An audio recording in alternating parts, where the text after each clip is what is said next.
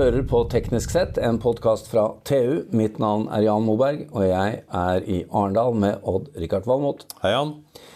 Nok en gang Odd-Rikard, er vi i Arendal, og det er tid for voksenopplæring. Som det alltid er, Jan. Ja, virkelig. altså. Og eh, nå, jeg tenker jo Arendalsuka i 2023 dreier seg veldig mye om, eh, om havvind. Og Overraskende mye. Offshore wind, og Ja. selvfølgelig både flytende og fast og dette her. Det er Ja. veldig mye rundt det, og jeg kan veldig lite om det. Ja, vi kan vel sånn grovt konseptene, men det er mye nitty-gritty vi ikke forstår, ja. Ja, og ikke mye- minst mye gjelder det økonomien. og-. Ja.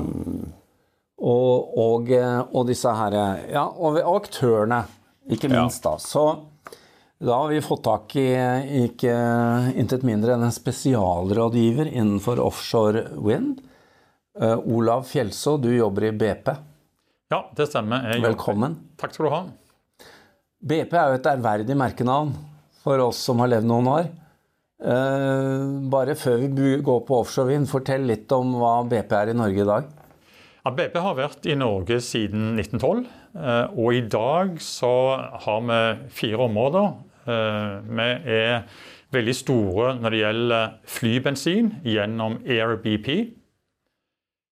Og så er vi store på smørolje og alle typer oljer via selskapet Castrol. Og Det tredje området er vi har eierandel i Aker BP. Og Det fjerde området som vi skal jobbe med, det er også posisjonere oss for havvind i Norge.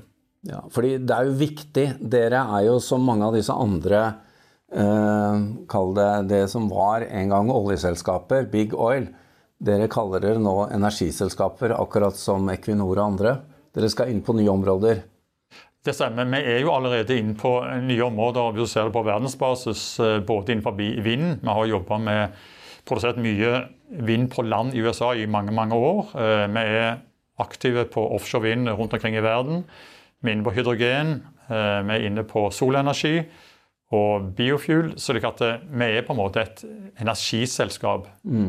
i aller høyeste grad. Men dere har ikke bytta navn. Det heter, det heter kanskje ikke British Petroleum lenger. Nei, altså det, det, British Petroleum det forsvant på, tidlig på eh, 20-tallet, rundt 2000. Så det heter kun BP og, og kun det. Ja. Ja, I min oversikt her fra 2022 eh, på Wikipedia, bare for å avsløre det, så er dere nummer fire i verden blant de store selskapene bak Exxon, Shell og Total. Eh, men det er jo voldsomt da med 70 000 ansatte. Men etter dette som skjedde med Aker BP, fusjon og sånne ting, hvor mange er dere igjen i Norge som jobber med dette? Altså I Norge så er vi totalt sånn 3-25. eh, Ja. Og det er primært de som jobber innenfor eh, AirBP og, og Castrol. Nettopp. Og så til dette med offshore vind, da. Fordi dere nå, nå skjer det jo ting. Og hvis vi da ser på Sørlige Nordsjø 2, så har dere gått inn i et konsortium sammen med et par partnere, og dere har tenkt å, å by på dette. Ja, Vi har gått i konsortium sammen med Statskraft og Mainstream. Og Mainstream er et selskap i Aker-konsernet. Så eh, Statskraft, Mainstream og BP har beslutta å søke om lisens på Sørlige Nordsjø 2. Og det er da noe dere skal søke på, er det snakk om november? Ja, Departementet har nå justert litt på fristen, slik at den er satt til 1.11.2023. Og Da er det snakk om å bli prekvalifisert for, eh, for dette området. Eh, Så forstår vi slik at departementet vil da shortliste seks til åtte konsortium som får lov til å være med i den anbudsrunden som kommer etterpå. Og når kommer eh, Når skal den inn? Ja, det, det har vi ikke fått beskjed om fra departementet. Det ene som vi har fått beskjed om, er at fristen for å levere en søknad om å bli prekvalifisert er 1.11.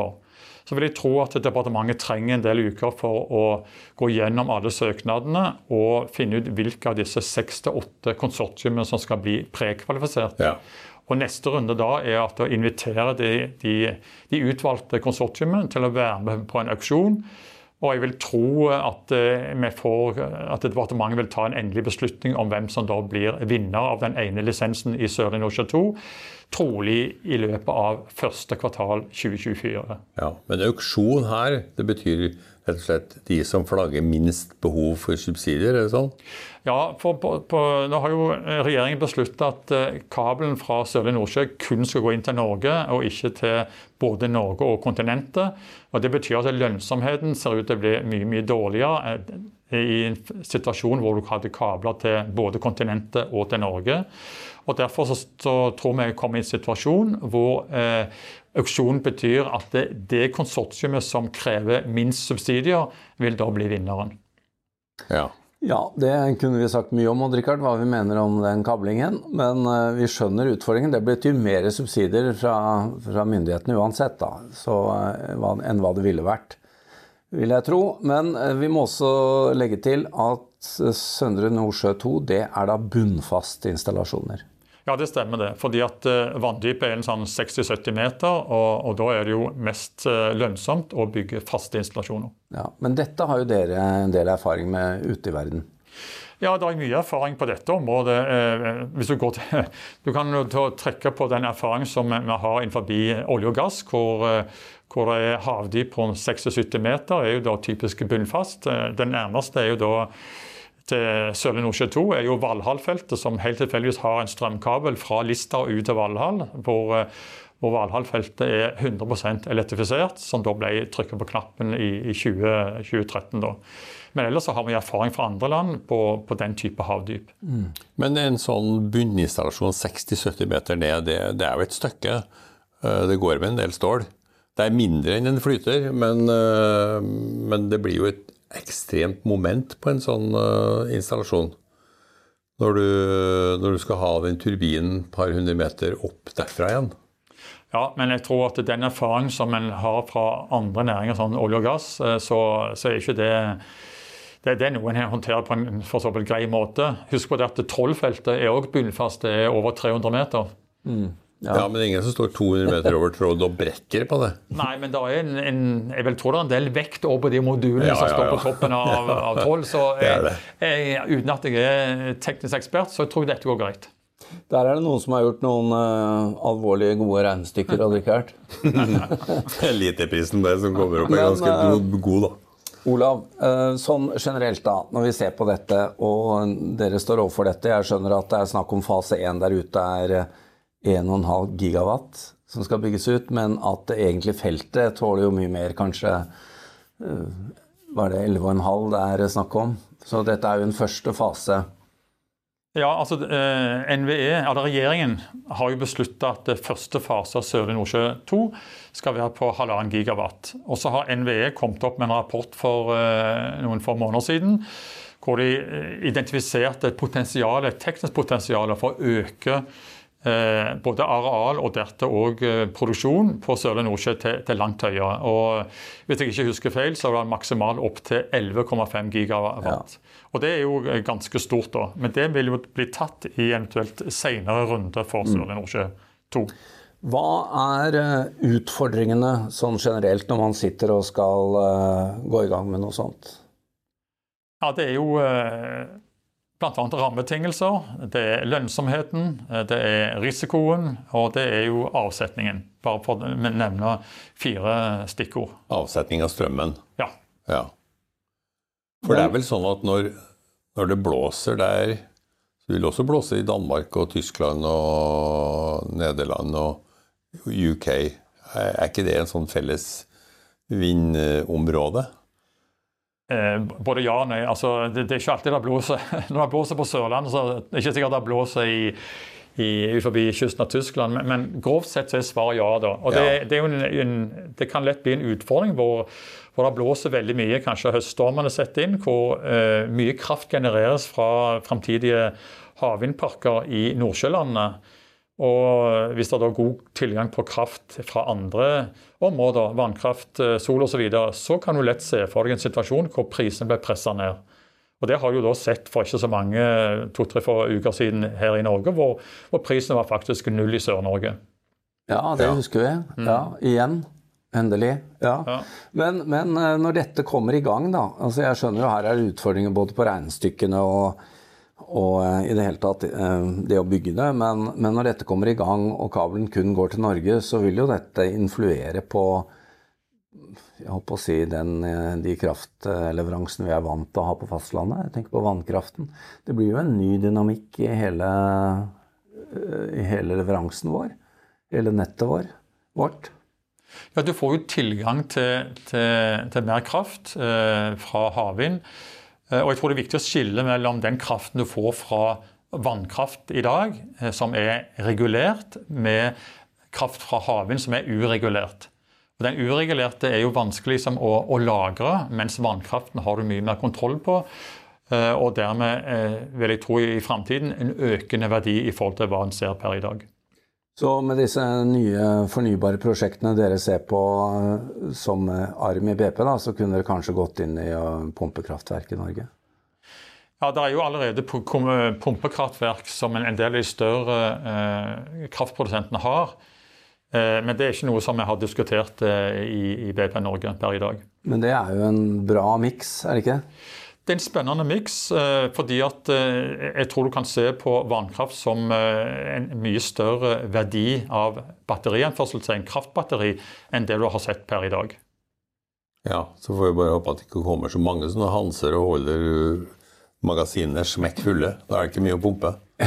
Nei, men, eh, men når, når, vinteren kommer og, og det, er, det, er, kaldt og det er vindstille og lite sol i Europa, så, så tror jeg at hvis vi klarer å, å holde magasinene våre så fulle som mulig ved pumpekraft, ja, ja. så tror jeg vi ser en stigende verdi av det, vannkraften. Det tror jeg du har helt rett i. Men Olav, når, når, eh, du er jo en del av eh, en internasjonal aktør som er konsortiet med, med med norske aktører og som vil by på dette. Og det er jo mange andre som vil by på Sørlige Nordsjø 2. Det er jo noen som kommer til å være skuffet, sitte skuffet tilbake. Uh, og mange av disse aktørene holder jo på kloden over. Altså, hva, hva, hva, risikerer vi da som tilbydere her? Det skal jo litt til å gå ut av et sånt løp og ikke få napp, og så skal du holde ting i gang, da. Altså, hvordan virker dette? Det er klart det er, La oss anta at det er seks-åtte selskaper eller konsortiumer som får lov til å være med og at det blir prekvalifisert til å være med og by. Så sitter du igjen eh, med én vinner, og så har du en seks tapere. Ja. Eh, og Da er jo spørsmålet hva gjør disse seks konsortiumene som ikke nådde opp i denne konkurransen? Ja, For mange av de er jo internasjonale. Ja, og, og, det er klart at det vil være eh, alternative eh, eh, steder hvor disse selskapene ønsker å allokere sine ressurser. Mm. Så, eh, og Derfor tror jeg det er kjempeviktig at norske myndigheter si, samme dag som de forteller hvem som er vinneren på Sørlige Nordsjø 2, og forteller hvilke planer de har for tildeling i 2025. Og Der har jo departementet tidligere gått ut og sagt at det blir en stor runde. Så jeg, jeg, tror ikke de kan vente noe særlig lenger enn, enn den, til den dagen. For ellers så er det jo fare for at en del utenlandske aktører ønsker å se seg om etter andre beiteområder hvor de ønsker å, å satse på, på havvind, istedenfor å vente liksom, på at det skal skje noe i Norge. Du, hvor, hvor mye norsk verdiskapning tror du det blir på Sørlige Nordsjø? Jeg tror den blir ganske stor. fordi at eh, Hvis du ser på, på, leverandørindustrien i Norge, så er det mange bedrifter som er klare til å, å gå inn i dette området. Nå er det ganske høyt trykk innenfor olje og gass. Ja. Mange bedrifter jobber i leverandørindustrien der. Mange av disse planene for utbygging og drift de vil være ferdige rundt 2026-2027. Og Hvis det ikke blir påfyll av veldig mange nye olje- og gassfelt, så vil det bli eh, magert med hensyn til aktiviteten.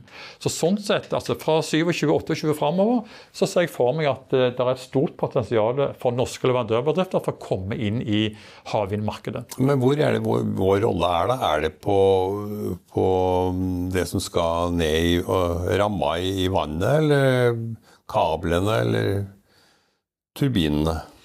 Nei, altså Du skal lage eh, selve infrastrukturen. Du har kabler. Det har ja. du norske bedrifter som ja, Nexan f.eks. Så har du da fundamentet i stål. Ja. ja Der har du da Aker Solutions og, og, og Able, to svære mm. norske selskaper. Du har selve altså, dekket, kan du si. Eh, større moduler. Store leverandører i Norge allerede er jo på, på banen der. Når det gjelder uh, turbiner, så er det utenlandsprodusert. Så må vi stille spørsmål om det ikke går an å se for deg at du kan produsere turbiner i Norge i framtiden. Du går på blader osv. Så har du installasjoner. Det er jo norsk, eh, norsk shipping, maritim industri, er jo langt framme. slik at eh, jeg tror at eh, mye av det arbeidet du ser i framtidig havvind, vil være leveranser fra norske bedrifter. Ja. Det var jo en rapport som ble lagt fram tidligere i dag, faktisk. Global Offshore Wind Annual Report. Den sier jo litt om at vi i Norge ligger litt etter i leverandørkjeden på dette nye området. Blant annet du nevner ikke sant, vi har Vestas i Danmark, du har Siemens i Tyskland, mm. som har tatt disse segmentene. og at det som ligger igjen hos oss, det er kanskje det som er mest sånn offshore-relatert til olje- og gassvirksomheten. Jeg sier ikke at det ikke er noe, men vi må passe oss litt og ikke tro at dette er en walkover. Vi har jo hatt mye diskusjoner om å bygge på skuldrene til uh, olje- og gassnæringen, men vi må passe på litt her. Så uh, hva, hva, hva tenker du om det? Altså, må huske på at eh, Sørlige Nordsjø 2 eh, blir trolig eh, igangsatt byggingen rundt eh, 2030 pluss minus. Og det er jo noen år til. Og jeg tror at eh, norsk leverandørindustri, eh, Subsea f.eks., har vist seg utrolig eh, fleksibel og, og mulighet for å kunne snu seg rundt relativt kjapt. Så jeg tror at norsk leverandørindustri vil på en måte ha store muligheter inni dette markedet. Men da må vi starte snart. Må komme i gang, ja. Komme I gang. Altså, det er det som er problemet. Ja, ja. Vi er jo ikke kommet i gang. Du kan liksom ikke forvente at bedriften skal investere i mye ny teknologi, bygge opp kompetanse, når det er så mange år til. Så vi tåler at de andre ligger noen eh, meter foran oss i løypa, hvis vi bare kommer i gang nå? Ja, du kan si at eh, de andre ligger foran oss, iallfall når det gjelder bunnfast. Eh, framtiden tror jeg på norsk sokkel blir flytende. Og der har vi jo mye erfaring. Og Det er ingen tvil om at Norge vil eh, kunne ta opp den kampen og kanskje bli en ledende nasjon på samme måte som blitt innenfor olje og gass på flytere. Hvis du ser på bunnfast versus flytende, hvor mye dyrere blir flytende? Nei, vet, har du noe begrep om det? Nei, jeg har ikke begrep om dette. Og, og Det skjer jo veldig mye på teknologifronten. Eh, og kostnader drives jo ned eh, over tid, eh, på samme måte som sett innenfor solenergien. Så, så det, det, jeg har liksom ikke noen tall og har ikke noen sterke formeninger om, om å si hva, hva, dette egentlig ville kunne ende opp med. Men ingen tvil om at kost, teknologien går framover, mer kostnadseffektivt, slik at forhåpentlig lønnsomheten kommer opp eh, framover. Men til syvende og sist er det Arkimedes og oppdriftene som, som bestemmer. Olav Fjelså, et siste spørsmål som jeg er nødt til å stille fordi Odd Rikard ikke har gjort det ennå. Eh, inn i denne fornybare miksen deres, hvor, hvor, er kjernekraften? Ja, jeg Personlig tror jeg at eh, kjernekraften eh, kommer. Det har vært mye skepsis rundt sikkerheten. Klarer de å løse den, så tror jeg det blir mye mer aksept fra mann i gata òg for kjernekraft. Så det er ikke utenkelig at dette blir en, en dark horse framover. Men ikke en del av miksen for den BP i dag? Per i dag så er ikke kjernekraft en del av strategien til BP. Takk til deg, Olav, og eh, lykke til videre her på Arendalsuka. Vi skal følge med denne konsesjonen og se hvem det blir. Tusen takk. Takk til Odd-Rikard. Mitt navn er Jan Moberg, og vår produsent er Sebastian Hagemo.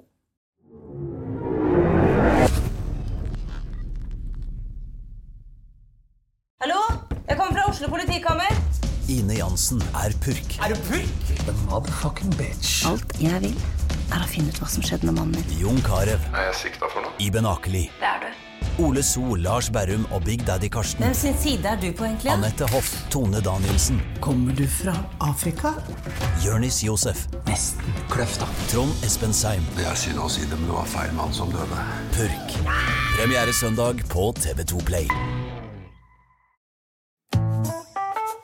Har du et enkeltpersonforetak eller en liten bedrift?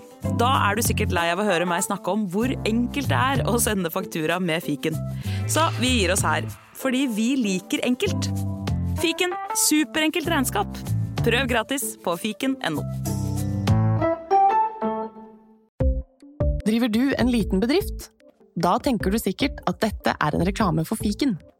Men det er det ikke, for vi er Folio.